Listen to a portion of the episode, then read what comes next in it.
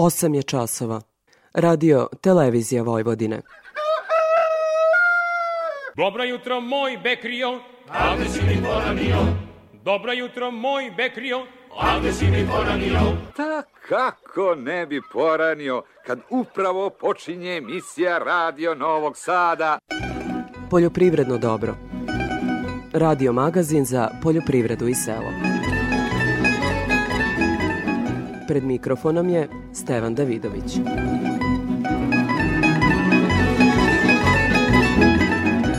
Dobro jutro. Razvučena setva uljane repice koja je trajala skoro dva meseca i izmenjena klima na mnogim parcelama zaprinele su ratare.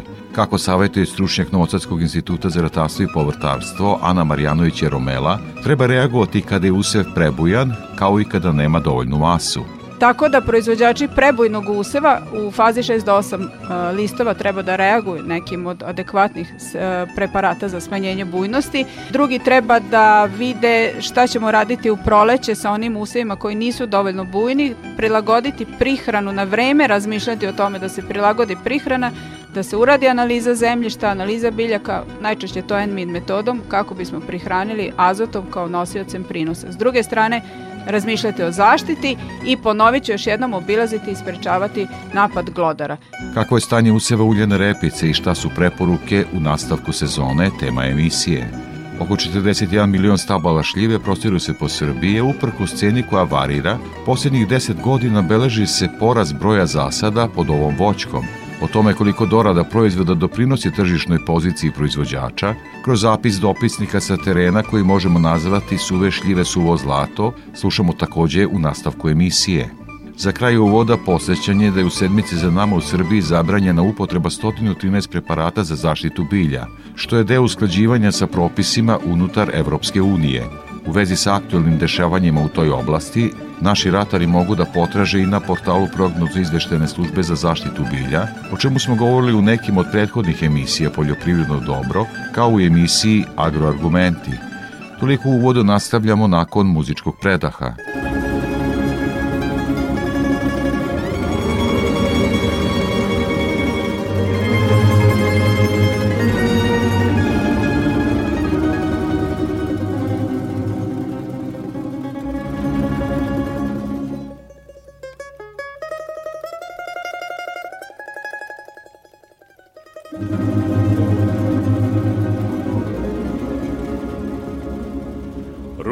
Ruzmarine moj zeleni, moj penđeru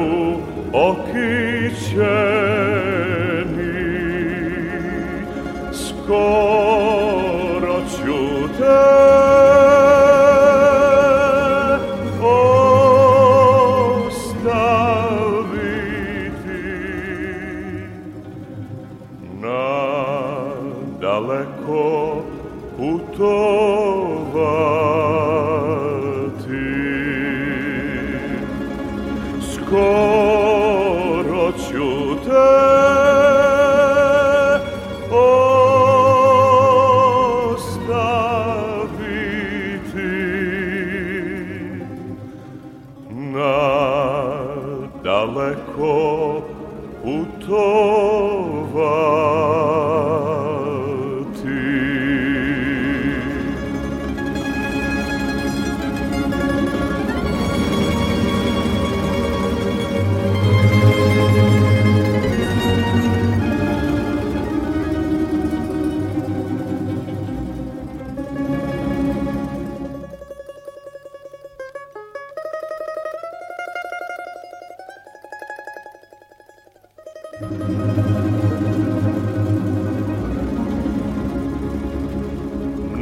staze i pogaze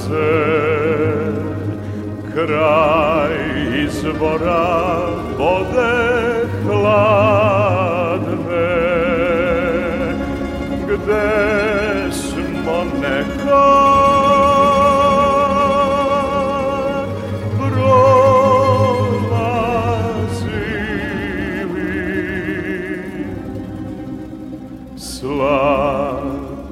čase provodili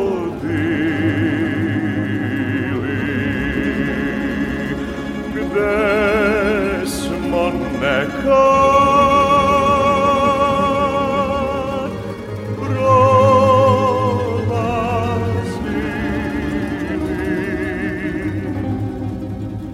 Slatke čase provodili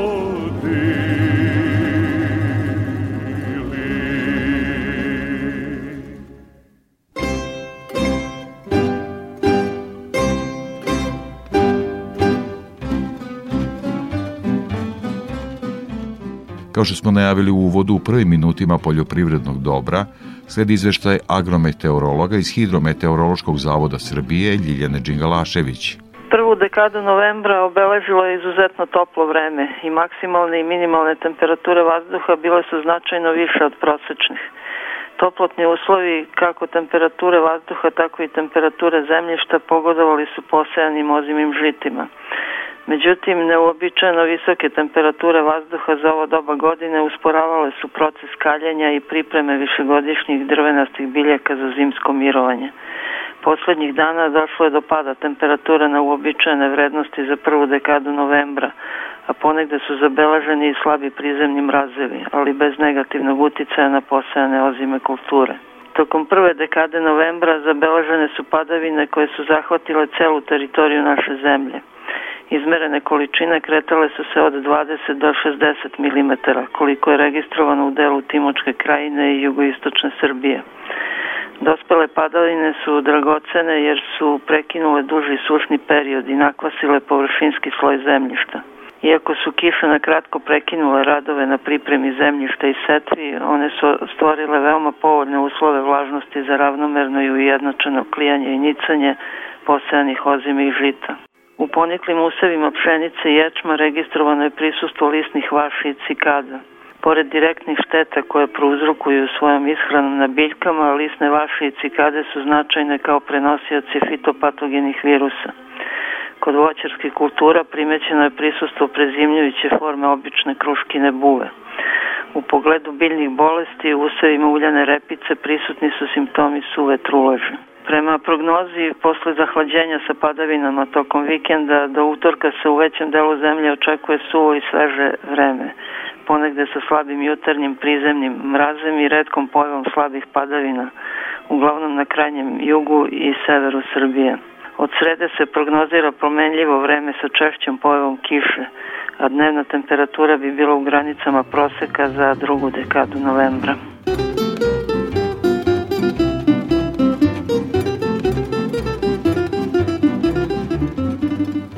O aktuelnostima i kretanju štetnih organizama slušamo izveštaju Boška Jezerkića iz prognozu izveštene službe za zaštitu bilja. U voćarstvu su i dalje aktuelne jesenje mere zaštite koje su veoma važne za održavanje dobro zdravstvenog stanja voća. One podrazumevaju primjenu mehaničkih i hemijskih mera. Sprovođenje mehaničkih mera uklanjaju se mesta prezimavanja patogena, odnosno vrši se orezivanje i uklanjanje suvih i obolelih grana i sakupljanjem i uništavanjem mumificiranih plodova i opalog lišća tamo gde je to moguće. Hemijske mere zaštite treba sprovesti nakon mehaničkih mera i kada u voćnjaku opadne najmanje 70% lisne mase primjenom nekog od registrovanih preparata na bazi bakra. Na području Vojvodine hemijske mere zaštite u košičnom voću su uglavnom sprovedene, a sad nam sledi sprovođenje ovih mera u jabučastom voću, najpre u zasadima krušaka, a zatim i u jabukama i dunjama. Preporuka je da se hemijske mere zaštite sprovode po mirnom i suvom vremenu, u najtoplijem delu dana na temperaturi vazduha iznad 7 stepeni, uz upotru veće količine vode, kako bi se biljke okupale, odnosno depozit preparata nano na sve biljne delove. Sprovođenje navedenih mera vrši se smanjenje infektivnog potencijala prezimujućih patogena u voćaku za narednu vegetacijnu sezonu, dezinfekcija rana koja nastaje opadanjem lišća, vrši se dobra primjena, priprema voća za zimsko mirovanje i doprinosi se bolje rodnosti voćaka u narednoj godini. S obzirom da smo ove vegetacije imali veoma povoljne uslove za razvoj patogena, sprovođenje ovog jesenjeg tretmana voća preparatima na bazi bakra dobija na još većem značaju. Na području Vojvodine setva strnih žita se privodi kraju, a na najvećem broju planiranih površina za setvu strnih žita, koji su posebni u poslednjoj dekadi oktobra, usevi se nalaze u fazama od nicanja do prvih razvijenih listova. U poniklim usevima ozim pšenici i ječma se registruje prisustvo listnih vaši i cikada. Pored direktnih šteta koje prouzrokuju svom ishranu na biljkama, listne vaše i cikade su značajne kao prenosioci fitopatogenih virusa. Vremenski uslovi u prethodnom periodu sa visokim dnevnim temperaturama pogodovali su povećaj aktivnosti ovih štetočina, što povećava i rizik od zaraze mladih biljaka virusima. Ukoliko dođe do zaraze virusima u početnim fazama razvoja biljaka, štete mogu biti veoma velike. Proizvođačima se preporučuju redovni pregledi poniklih useva pšenici i ječmara prisustu ovih štetočina i po postizanju pragova štetnosti, koji u početnim fazama razvoja stanih žita za lisne vaši iznosi jedna ili više vaši na 10% biljaka i za cikade 5 cikada po metru kvadratnom primjena nekog od registrovanih insekticida. Takođe, proizvođačima kako stanih žita, tako i voćarima preporučuje se stalan obilazak useva, odnosno zasada, redi utvrđivanja aktivnih rupa od glodara. Glodari trenutno migriraju novo posejane useve ozimja pšenici i ječma, gde se hrane posejanim i klenim semenom, a kasnije oštećuju i nadzemne i podzemne delove biljaka. Značajne štete u jesenjem delu sezone mogu nastati u voćnicima, naročito mladim zasadima i rasadnicima, gde oštećenja od glodara dovode do slabljenja i sušenja stabala. U utvrđivanju pragova štetnosti preporučuje se primjena gotovih rodeticidnih mamaka. Još jednom apelujemo proizvođačima da trovanje glodara rodeticidima sprovode odgovorno, odnosno da se nakon postavljanja rodeticidnih mamaka u aktivne rupe iste zatrpavaju kako bi se izbegli veliki rizici od trovanja divljači, domaćih životinja i ptica. Sve aktualne informacije iz zaštite bilja možete pogledati na našem portalu koji se nalazi na internet adresi www.pisvojvodina.com odakle se javlja Boško Jezerkić.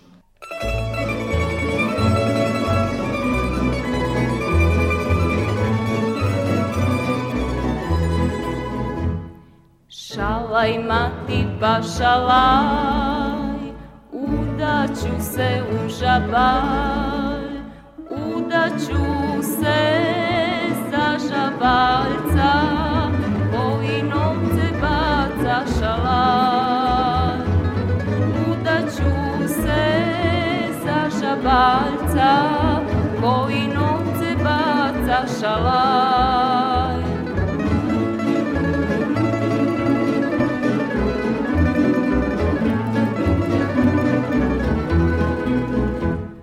Ceo svet mi govori da me dika ne voli, a u dike srce vene, dok ne vidi mene šalaj.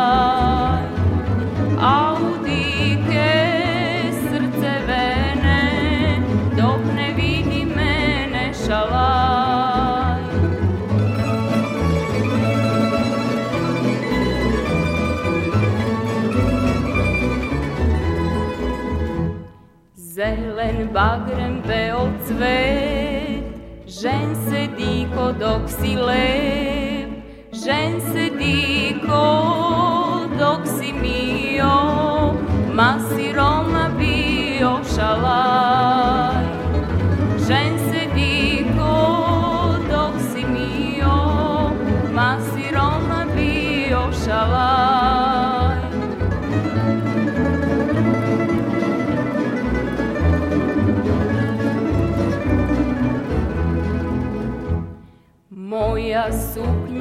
Suknja na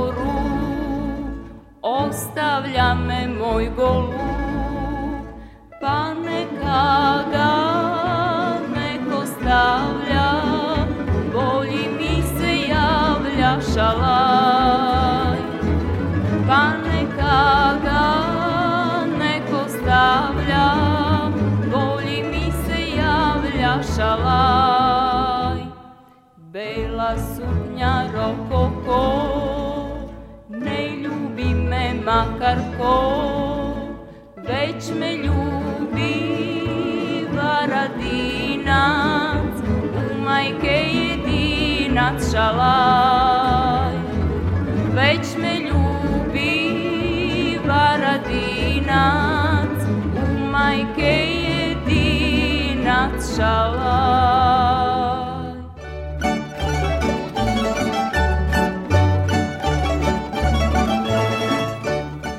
O trgovanju na Nosadskoj produktnoj berzi izveštava Andreja Matijašević. Na robno-berzanskom tržištu tokom ove nedelje zabeležen je rast cena kukuruza i soje, ali i pad cene pšenice.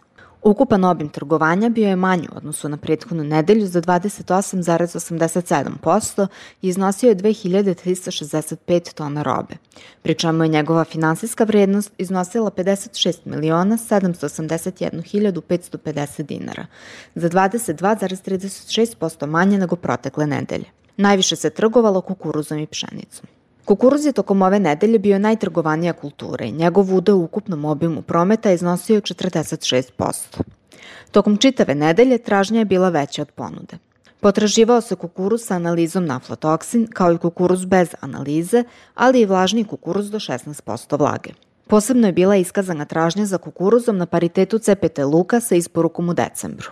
Kupce su najčešće činili izvoznici, trgovci i domaći prerađivači. Kukuruzom se trgovalo u cenovnom rasponu od 16 do 16,50 dinara po kilogramu bez PDV-a. Ponder cena iznosila je 16,34 dinara po kilogramu bez PDV-a, odnosno 17,98 dinara po kilogramu sa PDV-om, što u odnosu na prethodnu sedmicu predstavlja rast cene od 2,11%. Trgovalo se takođe kukuruzom na paritetu CPT kupac po ceni od 17,20 dinara po kilogramu bez PDV-a, kao i kukuruzom rod 2022. godine na paritetu CPT kupac po ceni od 17 dinara po kilogramu bez PDV-a.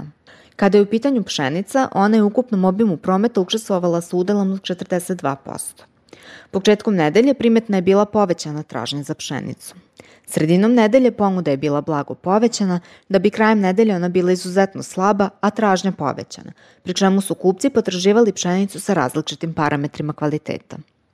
Pšenicom se tokom ove nedelje trgovala na jedinstvenom cenovnom nivou 19,20 dinara po kilogramu bez PDV-a, odnosno 21,12 dinara po kilogramu sa PDV-om, što ujedno predstavlja i ponder cenu. U odnosu na 7 dana ranije primetan je pad cene od 1,29%. Zaključeni su i berzanski ugovori za pšenicu sa primesama do 5% na cenovnom nivou od 20,30 dinara po kilogramu bez PDV-a. Tržište soje tokom cele nedelje bilo veoma mirno, da bi tek poslednjeg dana u nedelji došlo do povećanja aktivnosti. Berzanski ugovori zaključeni su u cenovnom rasponu od 50,70 do 51 dinar po kilogramu bez PDV-a uz obračun kvaliteta. Ponder cena iznosila je 50,76 dinara po kilogramu bez PDV-a, odnosno 55,84 dinara po kilogramu sa PDV-om, te je primetan rast cene od 2,68%. Od ostale robe trgovalo se još i mineralnim đubrivom u formulaciji MPK 16 prema 16 prema 16 u pakovanju 25 kroz 1 po cijeni od 54,66 dinara po kilogramu bez PDV-a. U ponudi se našao i MAP 12 prema 52 u manjim količinama po cijeni od 84,15 dinara po kilogramu bez PDV-a.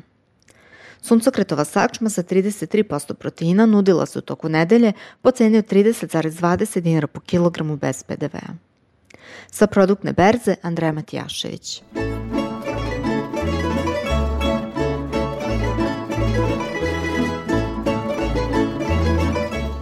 Kao i svake nedelje pratimo izveštaj o cenama sa tržišta žive stoke.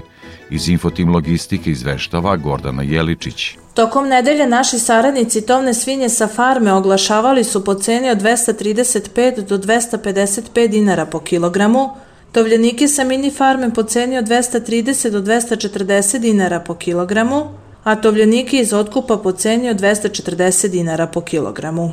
Ukupno je tržištu ponuđeno oko 1000 i po tovljenika. Tokom nedelje plasman tovnih svinja sa farme i mini farme dogovaran je u rasponu cena od 235 do 240 dinara po kilogramu. Za narednu nedelju klaničari će tovne svinje sa farme plaćati 250 dinara po kilogramu. Na tu cenu su već istrgovane određene količine za iduću nedelju. Prasaca farme oglašena su po ceni od 500 do 530 dinara po kilogramu, prasaca mini farme po ceni od 435 do 480 dinara po kilogramu, a prasad iz otkupa po ceni od 450 do 470 dinara po kilogramu. U ponudi smo imali više od 600 prasadi. Prasaca farme trgovana su po ceni od 500 dinara po kilogramu, a prasaca mini farme u rasponu cena od 435 do 463 dinara po kilogramu. Nazimice za priplot ponuđene su po ceni od 50.000 dinara po komadu, dok su se krmače za klanje nudile po ceni od 235 do 250 dinara po kilogramu. Jagnjac su ponuđena po ceni od 417 do 463 dinara po kilogramu. Ovce za klanje ponuđene su po ceni od 167 dinara po kilogramu. Bikovi rase Holstein oglašeni su po ceni od 285 do 288 dinara po kilogramu, a bikovi simentalci po ceni od 315 do 326 dinara po kilogramu. Trgovanje za bikove simentalce bilo je na cenu 326 dinara po kilogramu. Kad je živina u pitanju, jednodnevni pilići teške linije ponuđeni su u rasponu od 47 do 60 dinara po komadu. Cene su izražene bez PDV-a. Za Radio Novi Sad, Gordana Jeličić iz Infotim Logistike.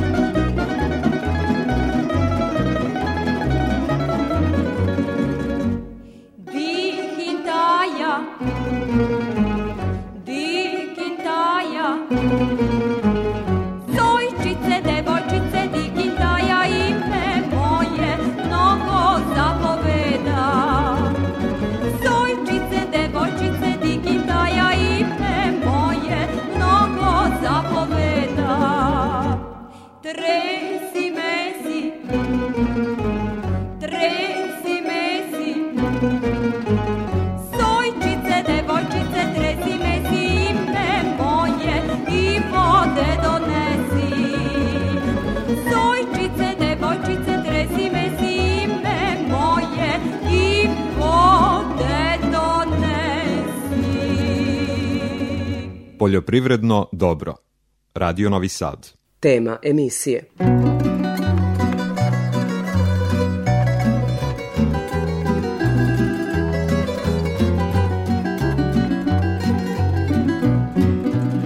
U temi emisije govorimo o uljanoj repici. Gost u studiju stručnjak na Novosadskom institutu za ratarstvo i povrtarstvo Ana Marjanović Jeromela.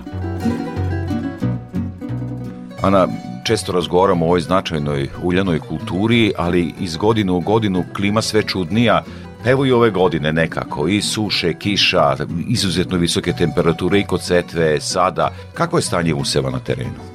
Stanje useva na terenu je vrlo šaroliko s obzirom da je sama setva se razvukla gotovo dva meseca što je zaista nespecifično za ovu biljnu vrstu. Razlog tome upravo to što ste rekli e, klimatske pojave, odnosno promene meteo koje su dovele do toga da je, iako je vreme pripreme za setvu gotovo bilo idealno, nakon toga periodi suše, periodi kiše doveli su do toga da se setva razvukla praktično od 25. avgusta gotovo do nedavno do poslednjih dana oktobra. Imamo i u pšenici, evo i tu pojavu glodara. Kakva je situacija sa uljanom repicom? E, nažalost, glodari su napali uljanu repicu u oazama. Znamo da uljana repica ima izuzetno lepe, slatke, ukusne listove. E, miševi voluharice vole da jedu. Proizvođači vide to po oazama. Treba redovno da obilaze, da unose mamke, da zatrpaju. Ne sme se dozvoliti da dođe do smrti e, prirodnih predatora, jedinih pravih neprijatelja glodara koji ako pojedu ove mamke ili mrtve miševe mogu da umiru. Znači, proizvođači molim vas obavezno obilazite svoje njive.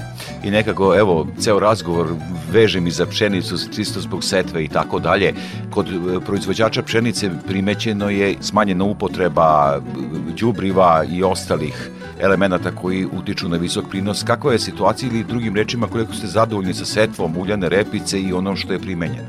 Proizvođači uljane repice jesu po pravilu profesionalci. To su oni koji su rešili da imaju intenzivnu proizvodnju i da znaju da bi dobili adekvatan prinos kod uljane repice moraju biti adekvatno ulaganja. Naravno, kao i kod drugih biljnih vrsta, proizvođači se maksimalno trude da uštede gde god je moguće, ali shvatili odavno kao i mi da bez optimalne unosa, odnosno popravke prirodne plodnosti zemljišta i primjene adekvatnih pesticida nećemo dobiti adekvatan i rentabilan prinos uljane repice. Da, jeste smanjeno, ali u tom delu da su proizvođači shvatili koliko je značajno da rade analizu zemljišta, te ove godine čini mi se kao nikad pre đubrenje e, u pred osnovnom, odnosno pre setve bilo adekvatno onom što e, zemljište je pokazalo analizi. Nedavno su gosti u emisiji Agroargumenti bili stručnjaci prognozu izveštene službe za zaštitu bilja Vojvodine i oni su govorili o e, povlačenju iz upotrebe dosta preparata za zaštitu bilja. Šta to znači za uljanu repicu i kako će se odgovoriti na taj problem? To je jedan od velikih problema u proizvodnju uljane repice, ne samo u našoj zemlji i regionu, nego globalno, naročito na nivou Evrope, gde imamo velike zabrane kada su pesticidi, naročito insekticidi koji se nanose na zemlju u pitanju. Mi smo eto imali sreću iz Instituta ratarstva i povrta, smo da smo bili na svetskoj konferenciji, odnosno kongresu uljanoj repici u Sidneju, gde je mnogo puta rečeno ono što smo svi svesni. Mi u stvari imamo privilegiju da živimo u Evropi, jer svi stručnici sveta znamo da su Kanada, Kina i Australija vodeći proizvođači uljane repice su mnogo puta ponovili mi moramo da gledamo Evropu, ono što Evropa bude mislila, ono kako Evropa bude regulisala, tako će regulisati svet. Ova a, zabrana pesticida, naročito insekticida, je imala posledice na smanjenu proizvodnju uljane repice, naročito u Evropi, i na povećanju e, potrošnju pesticida, odnosno insekticida nakon nicanja uljane repice. Naši proizvođači su svedoci toga da smo morali u jesenjem aspektu da koristimo više puta insekticide zbog ovog dugog toplog vremena i pojave insekata kao i klimatskih promena i pojave novih invazivnih vrsta. Mislim da je neophodno da resorno ministarstvo i druga tela koje se bave regulisanjem toga dozvole povremene upotrebe onih pesticida kako bismo jednostavno iz ekoloških razloga, ne samo iz ovih ekonomskih kad su proizvođači u pitanju, regulisali proizvodnju uljane repice i dobili optimalan prinos. Evo počeli smo razgovor sa situacijom na terenu kada je reč o uljanoj repici, pretpostavljam u zavisnosti od mikroklimata, zemljišta i tako dalje, pa i same, same e, tehnike i tehnologije proizvodnje da je različito na različitim parcelama od izuzetno razvijenog useva pa do nedovoljno razvijenog. Kako reaguju proizvođači koji su savjeti? Proizvođači, e, ono što uvek kažemo, moraju da obilaze uljanu repicu. Uljana repica nije trava kao pšenica da vi možete da je posete i u prašinu i čekate kada će nići da prolongira se nicanje do decembra. Ona mora da nikne na vreme da bi u optimalnoj fazi ušla u zimu. Imali smo proizvođače koji su hteli da presejavaju sad u novembru zavaranim ovim divnim toplim vremenom. Međutim, to neće biti dovoljno dana do ulaska u zimu da bi takva repica mogla da nakupi dovoljno hranljivih matere i da oslobodi iz ćelija dovoljno vode da preživi zimu. Tako da proizvođači prebojnog useva u fazi 6 do 8 uh, listova treba da reaguju nekim od adekvatnih uh, preparata za smanjenje bujnosti. Drugi treba da vide šta ćemo raditi u proleće sa onim usevima koji nisu dovoljno bujni, prilagoditi prihranu na vreme, razmišljati o tome da se prilagodi prihrana, da se uradi analiza zemljišta, analiza biljaka, najčešće to NMIN metodom, kako bismo prihranili azotom kao nosiocem prinosa. S druge strane, razmišljati o zaštiti i ponovit ću još jednom obilaziti i sprečavati napad glodara. Šta će nam zima doneti, to još niko ne zna, vidjet ćemo se i čuti na proleće kako reagovati. Za sada proizvođači molim vas obilaziti svoje parcele.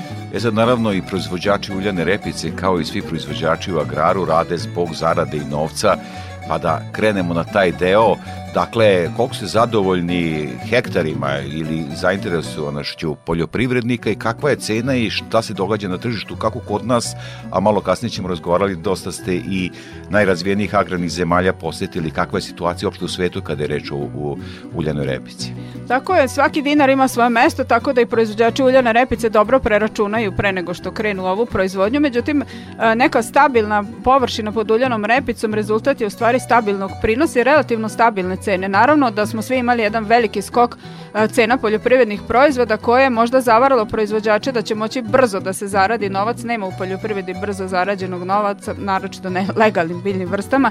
Tako da, e, ali dugoročno gledano uljana repica kao odličan predusev i kao biljna vrsta koja je tražena sa zbog sirovine, jer znamo da je ulje jedna od dragocenih sirovina, ima svoj, svoju perspektivu u, u gajanju, plus toga klimatske promene dovele su do toga da proizvođači moraju da imaju raznoliku proizvodnju.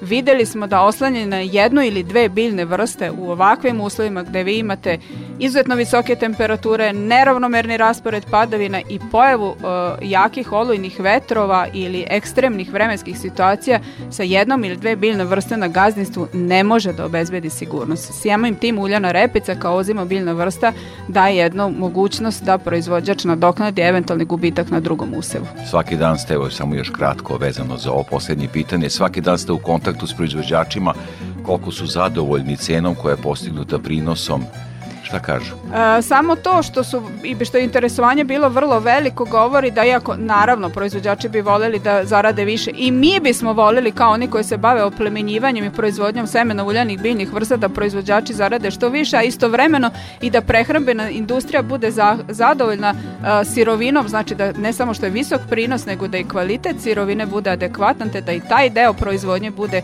namiren da bi konačno onaj kao je finalni pro, e, kupac, odnosno potrošač, takođe takođe bio zadovoljan i cenom i kvalitetom. E, mislim da ovo ima veliku šansu da nastavimo u oplemenjivanju. Eto, sami ste spomenuli da smo imali sreće da budemo u vodećim svetskim centrima kako bismo i mi nešto novo naučila, ali i drugi nas od nas bili smo na svetskim kongresima o uljanoproteinskim biljkama i Svetskom kongresu o volovodu gde su naši kolege prikazali najnovije rezultate, baš to što imamo centar izuzetnih vrednosti za oplemenjivanje biljaka tolerantnih na promenu klime, pokazuje da pratimo najnovija dostignuća, istovremeno nam je jako važno da čujemo od proizvođača šta njih interesuju, koji su njihovi problemi da bismo mogli adekvatno da reagujemo. Evo sad ste počeli nešto o čemu bih volao još kratko da razgovaramo. Naime, ovaj, moram reći da sam vas kontaktirao i pre desetak dana da i nešto ranije uradi moj razgovor, ali tada ste mi rekli i zaista i tako je i bilo, bili ste u tim najrazvijenijim centrima. Gde ste bili i gde je mesto Instituta za ratarstvo i povrtarstvo, dakle instituta od nacionalnog značaja, uljana repica, uljane kulture u svetu i šta ste doneli da prezentujete našim poljoprivrednicima? Pa zahvaljujući našem učešću na evropskim, svetskim pa i nacionalnim projektima, Institut za ratarstvo i povrtarstvo ima priliku da njegovi istraživači, odnosno mi se edukujemo, kao što ste rekli, u najvažnijim oplemenjivačkim istraživačkim centrima u Evropu i svetu. Bili smo u Španiji, u Kordobi, bili smo sada u Antaliji na tim svetskim kongresima, u Turskoj pre toga to su bili Poljska, Sidney, Portugal, čitav niz zemalja u kojima kolege i ja smo imali priliku da naučimo šta se novo od mo molekularnih, odnosno modernih metoda primenjuje oplemenjivanja, ali istovremeno na ovim svetskim kongresima kolega dr. Vladimir Miklić, koleginica uh, dr. Dragana Miladinović su preneli u svojim plenarnim istraživanjima, sa predavanjima najnovije svetske i naše rezultate, vrlo zapaženo, spremamo se za svetski kongres, odnosno konferenciju o suncokretu naredne godine u Kini, već smo pozvani kao plenarni predavači. Zašto? Zato što smo mi istovremeno ono što se redko vidi u svetu, E, mi imamo maksimalno razvijena i vrlo moderna istraživanja, ali ih primenjujemo i pakujemo praktično u vreću kroz svoje seme. To se vrlo redko nalaze u istom istraživačkom centru i imamo stalni kontakt sa proizvođačima. Jako je važno da ta istraživanja nisu samo e, per se, znači samo za sebe, već da imaju aplikaciju u konačnom rezultatu, a to je seme.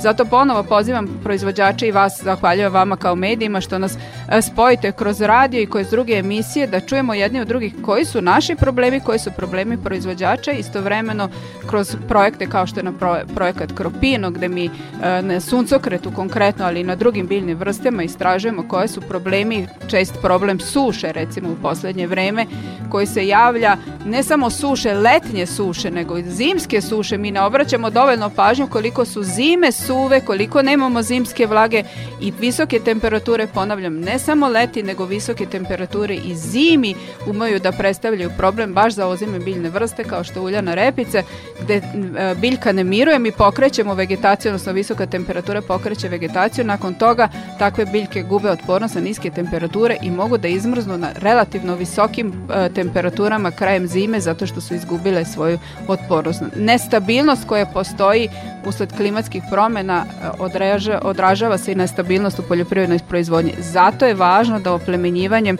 stvorimo biljne vrste, odnosno sorte koje će na ovo biti tolerantne. Ja ne sumnjam to što ste rekli da naši poljoprivrednici imaju zaista vrhunsko znanje, tako da kaže, spakovano u semenu uljene repice i drugih kultura, ali to treba znati tehnologijom proizvodnje maksimalno iskoristiti. U tom smislu savjetovanja, predavanja, kako se obraćate našim poljoprivrednicima, evo minuti za poziv. E, hvala vam, baš je ovo divna prilika da kažemo poljoprivrednim proizvođačima da sada krajem novembra od 27.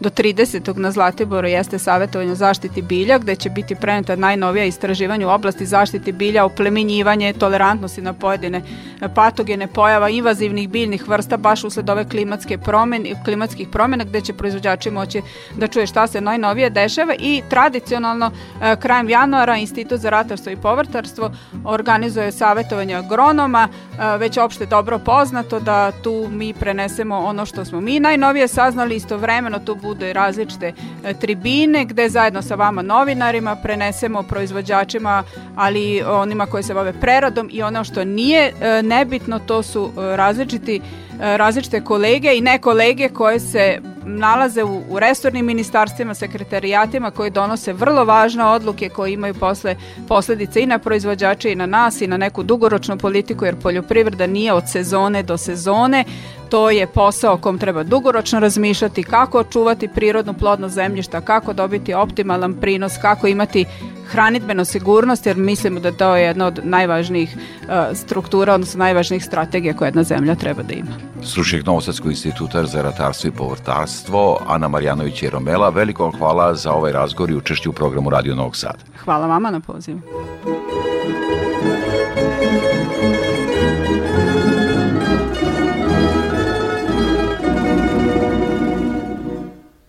Peva peto, peva peto, peva peto, na Dudu Jalovcu, na Dudu Jalovcu. Dopala se, dopala se, dopala se, devojka u dovcu, devojka u dovcu.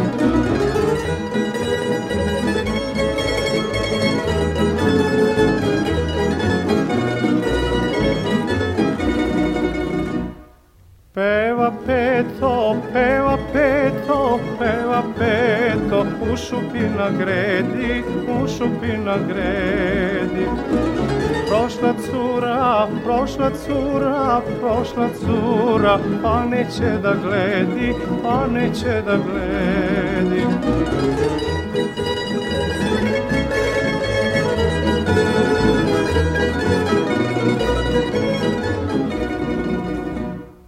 Komšinice, komšinice, komšinice, umara mi grožđe, umara mi grožđe. Reci sestri, reci sestri, reci sestri, neko da prođe, neko da prođe.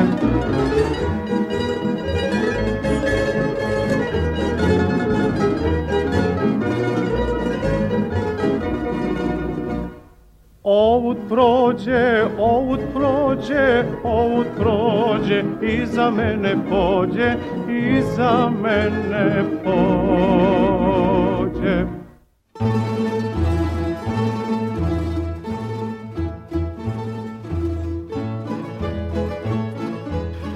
Svinjarstvo karakteriše ciklična promena cena.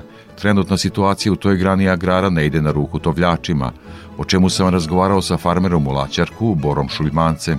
Boro, evo, zaista već dugo pratimo probleme u svinjarstvu, često sa tobom o tome razgovaram. Kako bi u najkraćem trenutnu situaciju opisao kada je reč o tržištu i proizvodnji? Do, opet imamo velik problem, nekontrolisani uvoz koji je oborili cenu na domaćem tržištu za 60-70 dinara po kilogramu i neće i dalje da otkupljuju i dalje ruši cenu. Em je situacija loša zbog afričke kuge, em imamo manjkove, em je ovo sad totalni. Jer svi mi koji smo zatvorili svinje, to, ima, to je velik rizik bio da izguramo turnus, da, da, da, da nam ne upadne ova zarazna bolest, borimo se protiv toga, e sad još imamo i otežavajuću okolnost, nekontrolisani uvoz, i pad cene žive mere do te mere da, evo kažem, danas su već 220 dinara svinje, a bile su do pre samo tri nedelje 280 i neće niko da ih kupuje. Moje kolege neke imaju za isporuku svinje.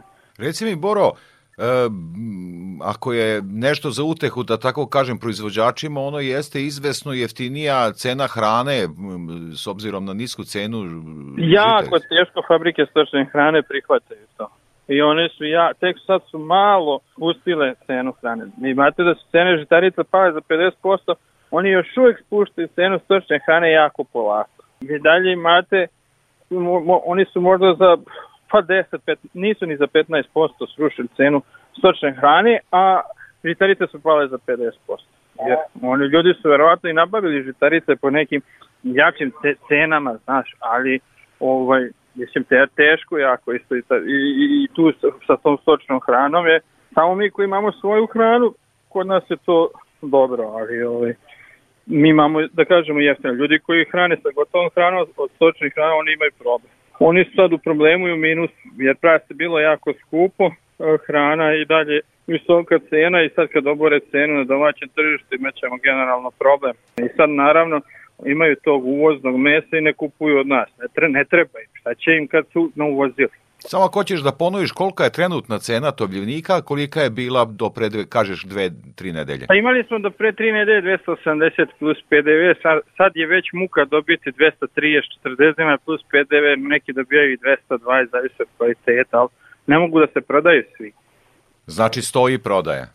Pa ne, da, imamo manjkove i, tovljenika i, i lošu situaciju. I opet, kažem da ovaj, ne možeš da prodaš. Pa kako to? Ako nemamo dovoljno tovljenika, kako ne možeš da prodaju svi? Šta je sa prasadi? Pa prasad je udavno naša proizvodnja domaća na rubu egzistencije, malte ne da i ne postoji. Ima par velikih sistema gde možete kupiti prase, to su nenormalno skupa, tipa delte. Ovaj, oni su jako visoke cene, tu skuplje su od tih uvoznih za 10-15% i ovo što su ovde moje kolege, ja uglavnom su se bazirali na, uvoz, na uvoznu prase iz Danske, jer su vrhunska kvaliteta i cenovno su bili prihvatljiva. E sad, ovaj, jednostavno na domaćem tržištu i nemate prasa da kupite. Možeš kupiš neke, zanim, neke zanemarljive količine od nekog malog proizvođača, to je 50 prasadi, 100 u vrglave, to možda nađeš po bačkoj tu od nekih mini farmera, ali to nije dovoljno za neke ozbiljnije tovljače kao ja. Meni treba recimo u su po 2-2,5 hiljade prasića, to ja ne mogu da kupim samo recimo na velikom sistemu, tako da sam ja primoran da uvozim iz Danske. A sad, pošto sam ugroženo područje, zbog zastavica, pazite sad u, tu situaciju, imam reku Savu kao desbarijer. I ja sad ne mogu zbog zastavice da uvezem sutra prasat. Kad ove tovljenike isporučim, ja neću moći da kupim prasat, jer sam proglašen ugroženim područjem, a nikakve veze sa zastavicom nema. Šta je sa ostalim proizvođačima, šta je sa udruženjem, o tom smo više puta razgovarali, da li Pa, ste... generalno loša situacija. U svinjarstvu sad baš je teška situacija. Jeste razgovarali Da. sa nekim od nadležnih? Ja ne kažem, nije problem, nek se svinje, svinjsko meso koje nam fali trenutno zbog ove situacije sad u- uveze, ali nemojte rušiti domaću proizvodnju na taj način što ćete nenormalno barati cijenu. Ako, te, ako su svinje skupe bile po 280 dinara, nek se svinje e, uvozom regulišu na 250, tu je opet dobro i proizvođačima i prerađivačima, a i kupcima samog krajnjeg mesa. Znači neka, ali nemojte i sad rozati na 200 dinara. Reci mi podsjeca i države dobijaš redovno, Dobijamo te subvencije 1000 dinara po komadu, to, to ide svake godine. Ovaj, za krmače kako?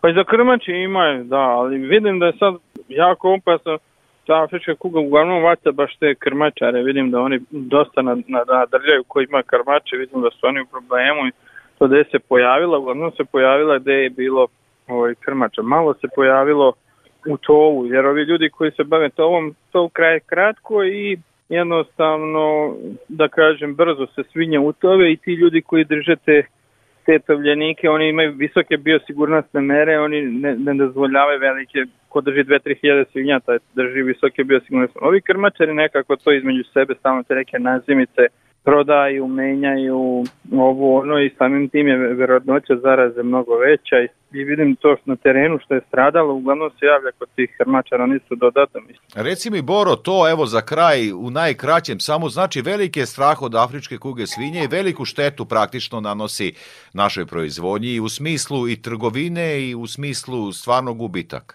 Pa trenutno je jako napeta situacija i bojim se ovim tempom da ćemo u velik problem s svinjskim mesom ući tek za 3-4 meseca. Znači da će to da se odrazi osad nekupovanje i ne netovanje prasa da će se jako da, da odrazi da će biti skupo, ali da će malo, malo ljudi tad imati te svinje. Farmeru Laćarku, Bora Šuljmanac. Boro, veliko ti hvala za ovaj razgovor i učešće u programu Radio Novog Sada. Hvala vama i pozdrav za sve slušalce Radio Novog Sada.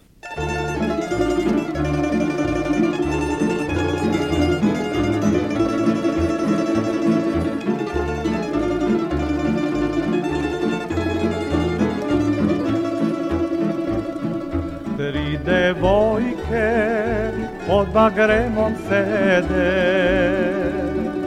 Prva sedi pa veselo prede. Druga veze vezla joj i sreća. A nedeljka najmlađa i treća. A nedeljka najmlađa i treća.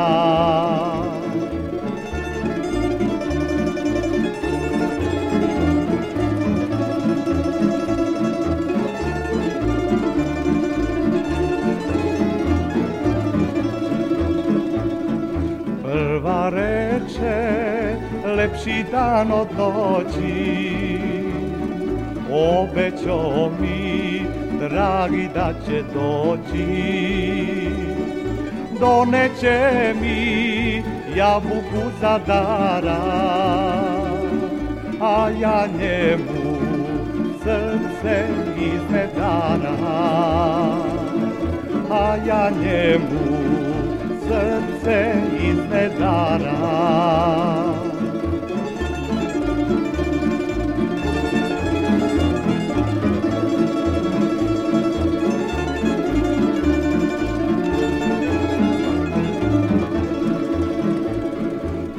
medara Druga reče, ruzmarine mili, shvatit će se tobom zakititi. Puštaj grane na sve četiri strane, u nedelju biće mi venčanje. U nedelju biće mi venčanje.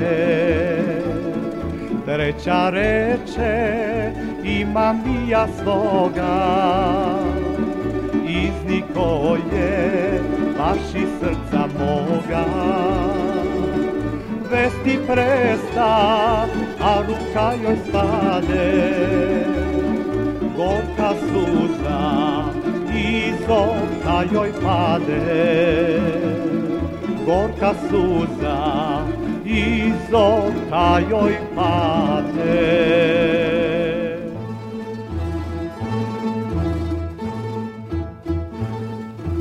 Suvešljive sa područja zapadne Srbije te kako pronalaze put do domaćih i stranih kupaca. Pričom vas vodim u najopevanije šumadijsko selo Mrčajevce, gde se nalazi sušara porodice Ljujić, zabeležila Kristina Radulović. Nakon što šljiva prođe proces sušenja koji traje od 26 do 30 sati, ona se skladišti, kondicionira mesec dana, a onda i se vraća proces vlagi kako bi bila spremna za iskoštavanje. U ovom poslu već godinama je mala i odabrana ekipa vrednih žena koje dnevno očiste i do 80 kg suve šljive. Za radio Novi Sad govore Radojka Perić, Mašinka Lukić-Protić i Marija Talović. Zavisi do kvaliteta šljive, 70-80 do 100 kg. Nije ni malo lako i prljavo je, ali ja radim sa zadovoljstvom, volim da se družim sa ljudima, što je meni najbitnije, ja sam u penziji već 18 godina, a ovde radim 15. Počela sam sa sušarom i znači konstantno radim ovde tih 15 godina od kad je počela suša. Sušila sam šljivu i kupila šljivu i i sad radim na iskoštavanju, tako da nije meni to problem. Pa nije teško, očisti se, zavisi do šljive. Kakva je, očisti se od 50-60 kila do 100 kila se očisti. Iako je od 7 hektara šljive imao svega 30% od očekivanog roda, to nije sprečilo Radomira Ljujića da i ove sezone kroz njegovu sušaru prođe oko 100 tona ove voćke. Za radio Novi Sad govori Radomir Ljujić, vlasnik sušare Prompen iz Mrčevaca. Ove godine osušili, to je nivo negde 100 tona suve šljive, to je negde 400 tona sirove šljive. Kupci su tradicionalno naši ovde u Srbiji, imamo kup, kupca i imamo Grčku za, za, sada. Sad pokušavamo malo da se vratimo u Rusiju, pošto je pala cena suve šljive. Pojavio se Čile koji je prošle godine nije ga bilo na našem tržištu, ne na našem srpskom, nego na svetskom, evropskom tržištu. Ove godine su se pojavili, oborili su cenu 20% suve šljive, tako da imamo praktično jeftiniju suvu šljivu, ulazi i su, ovaj, sirove šljive su bili negde 30% veći, skuplja radna snaga i sve kad se sabere ova godina će biti dosta lošija nego prošla. Proizvodnja suve šljive znatno je skuplja u odnosu na proizvođače poput Čile, a dodatni problem prema rečima Ljujića jeste što većina proizvođača ne nastupa zajednički na tržištu. Imamo konkurenciju Čilea koji suši šljivu na otvoreno, na stadionima. On stavi šljivu na otvorenom i posle 20 dana ima osušenu šljivu, nije uložio energiju kao što mi moramo da uložimo drva i košpice, da zagrejemo vodu na 100 stepeni da bi mogli da osušimo šljivu na 80 stepeni. Oni imaju jeftiniji proces. Brod ponekad da dođe iz Čila je kontejner 3000 dolara, a mi da, da odvezemo šivu u Rusiju košta isto 3000 dolara kamionom. On brodom dotera 10.000, 15.000 tona, mi oteramo 20 tona u Rusiju, vidite onda kakve su relacije. Francuska je dosta konkurentna, Amerika više nije, smanjuje tu proizvodnju. Tako da bi mi morali malo organizovanije da radimo. Prvo, mi nismo organizovani kao proizvođači i suve štive, srpski proizvođači svako za sebe radi. Čile nastupa zajednički i svi normalni ljudi nastupaju zajednički. U srpskim sušarama najčešće završi sorta Stanley, dok su Francuzi u prednosti sa aženkom koja ima više šećera, manje kiseline i duže može da stoji. Prednost ogleda i u uređenom sistemu kao i strogim pravilima vremena berbe plodova. Kad je Francuska imala problem sa suvom šivom, oni su to uradili na sljedeći način. Država je stala iza proizvođača suve šljive, pa je reka proizvođačima sirove šljive. Vi, cena otkupa je ta. Mi ćemo da pokrijemo, mi ćemo da pokrijemo određen trošak država je pokrila znači cenu otkupa, a proizvođačima je rečeno vi kažite proizvođačima šljiva kad će da beru šljivu. Znači, vrlo je bitno kad se bere šljiva. Šta se ovde kod nas događa? Kod nas se događa da praktično svi krenu da odmah beru još dok je zelena šljiva, zelena šljiva ne valja da se suši i mi onda imamo problem sušenja zelene šljive.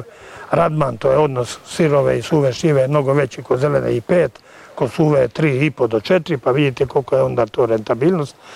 I onda sušimo, počnemo da sušimo zelenu šivu, kad dođe ona prava šiva za sušenje, ona nestane. Više nema.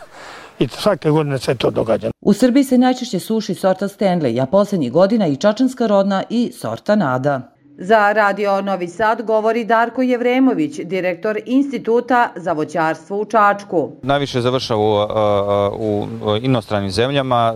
Srbija jako proizvodi danas male količine suve šljive u odnosu što je to bilo pre 100 godina i dalje smo u svetskom vrhu po izvozu suve šljive, tako da se danas nalazimo na desetom mestu i najveće količine suve šljive završe na tržištu pre svega Rusije, zatim zapadnoevropskih zemalja, a određena količina se realizuje i na, na našem tržištu. Godišnje se u Srbiji proizvede oko 500.000 tona šljive. Ipak, usled nepovoljnih vremenskih prilika ove godine rod je prepolovljen. Šljiva se prodavala po 35 dinara, a oni koji su joj dodali vrednost u sušarama i tekako su imali računicu. Za radio Novi Sad, Katarina Radulović.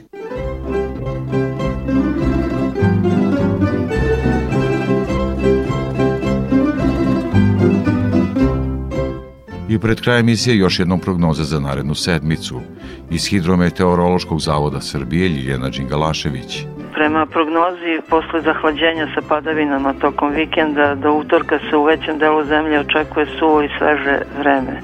Ponegde sa slabim jutarnjim prizemnim mrazem i redkom pojavom slabih padavina, uglavnom na krajnjem jugu i severu Srbije. Od srede se prognozira promenljivo vreme sa češćom pojavom kiše, a dnevna temperatura bi bila u granicama proseka za drugu dekadu novembra.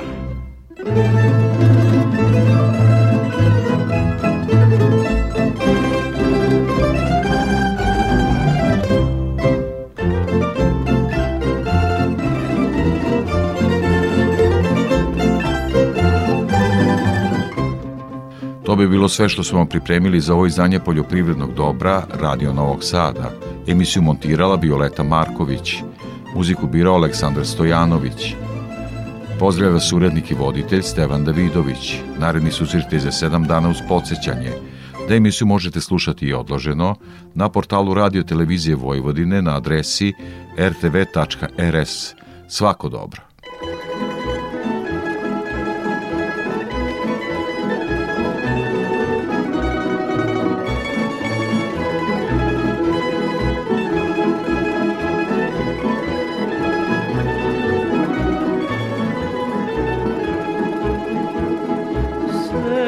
Sjećaš se onog sata kad si meni oko vrata, kad si meni oko vrata, bele ruke savila.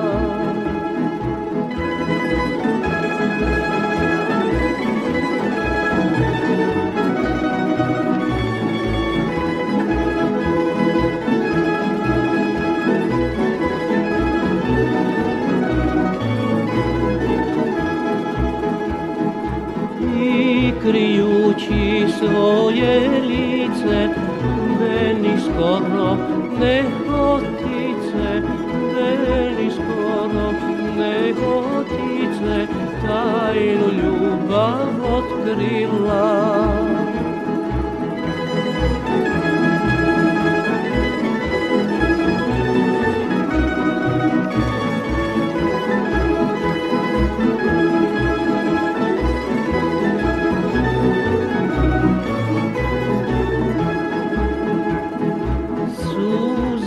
Minut oku i otworni Preduboku i otworni Preduboku ranu bedno srcamo Cele noci Ladovi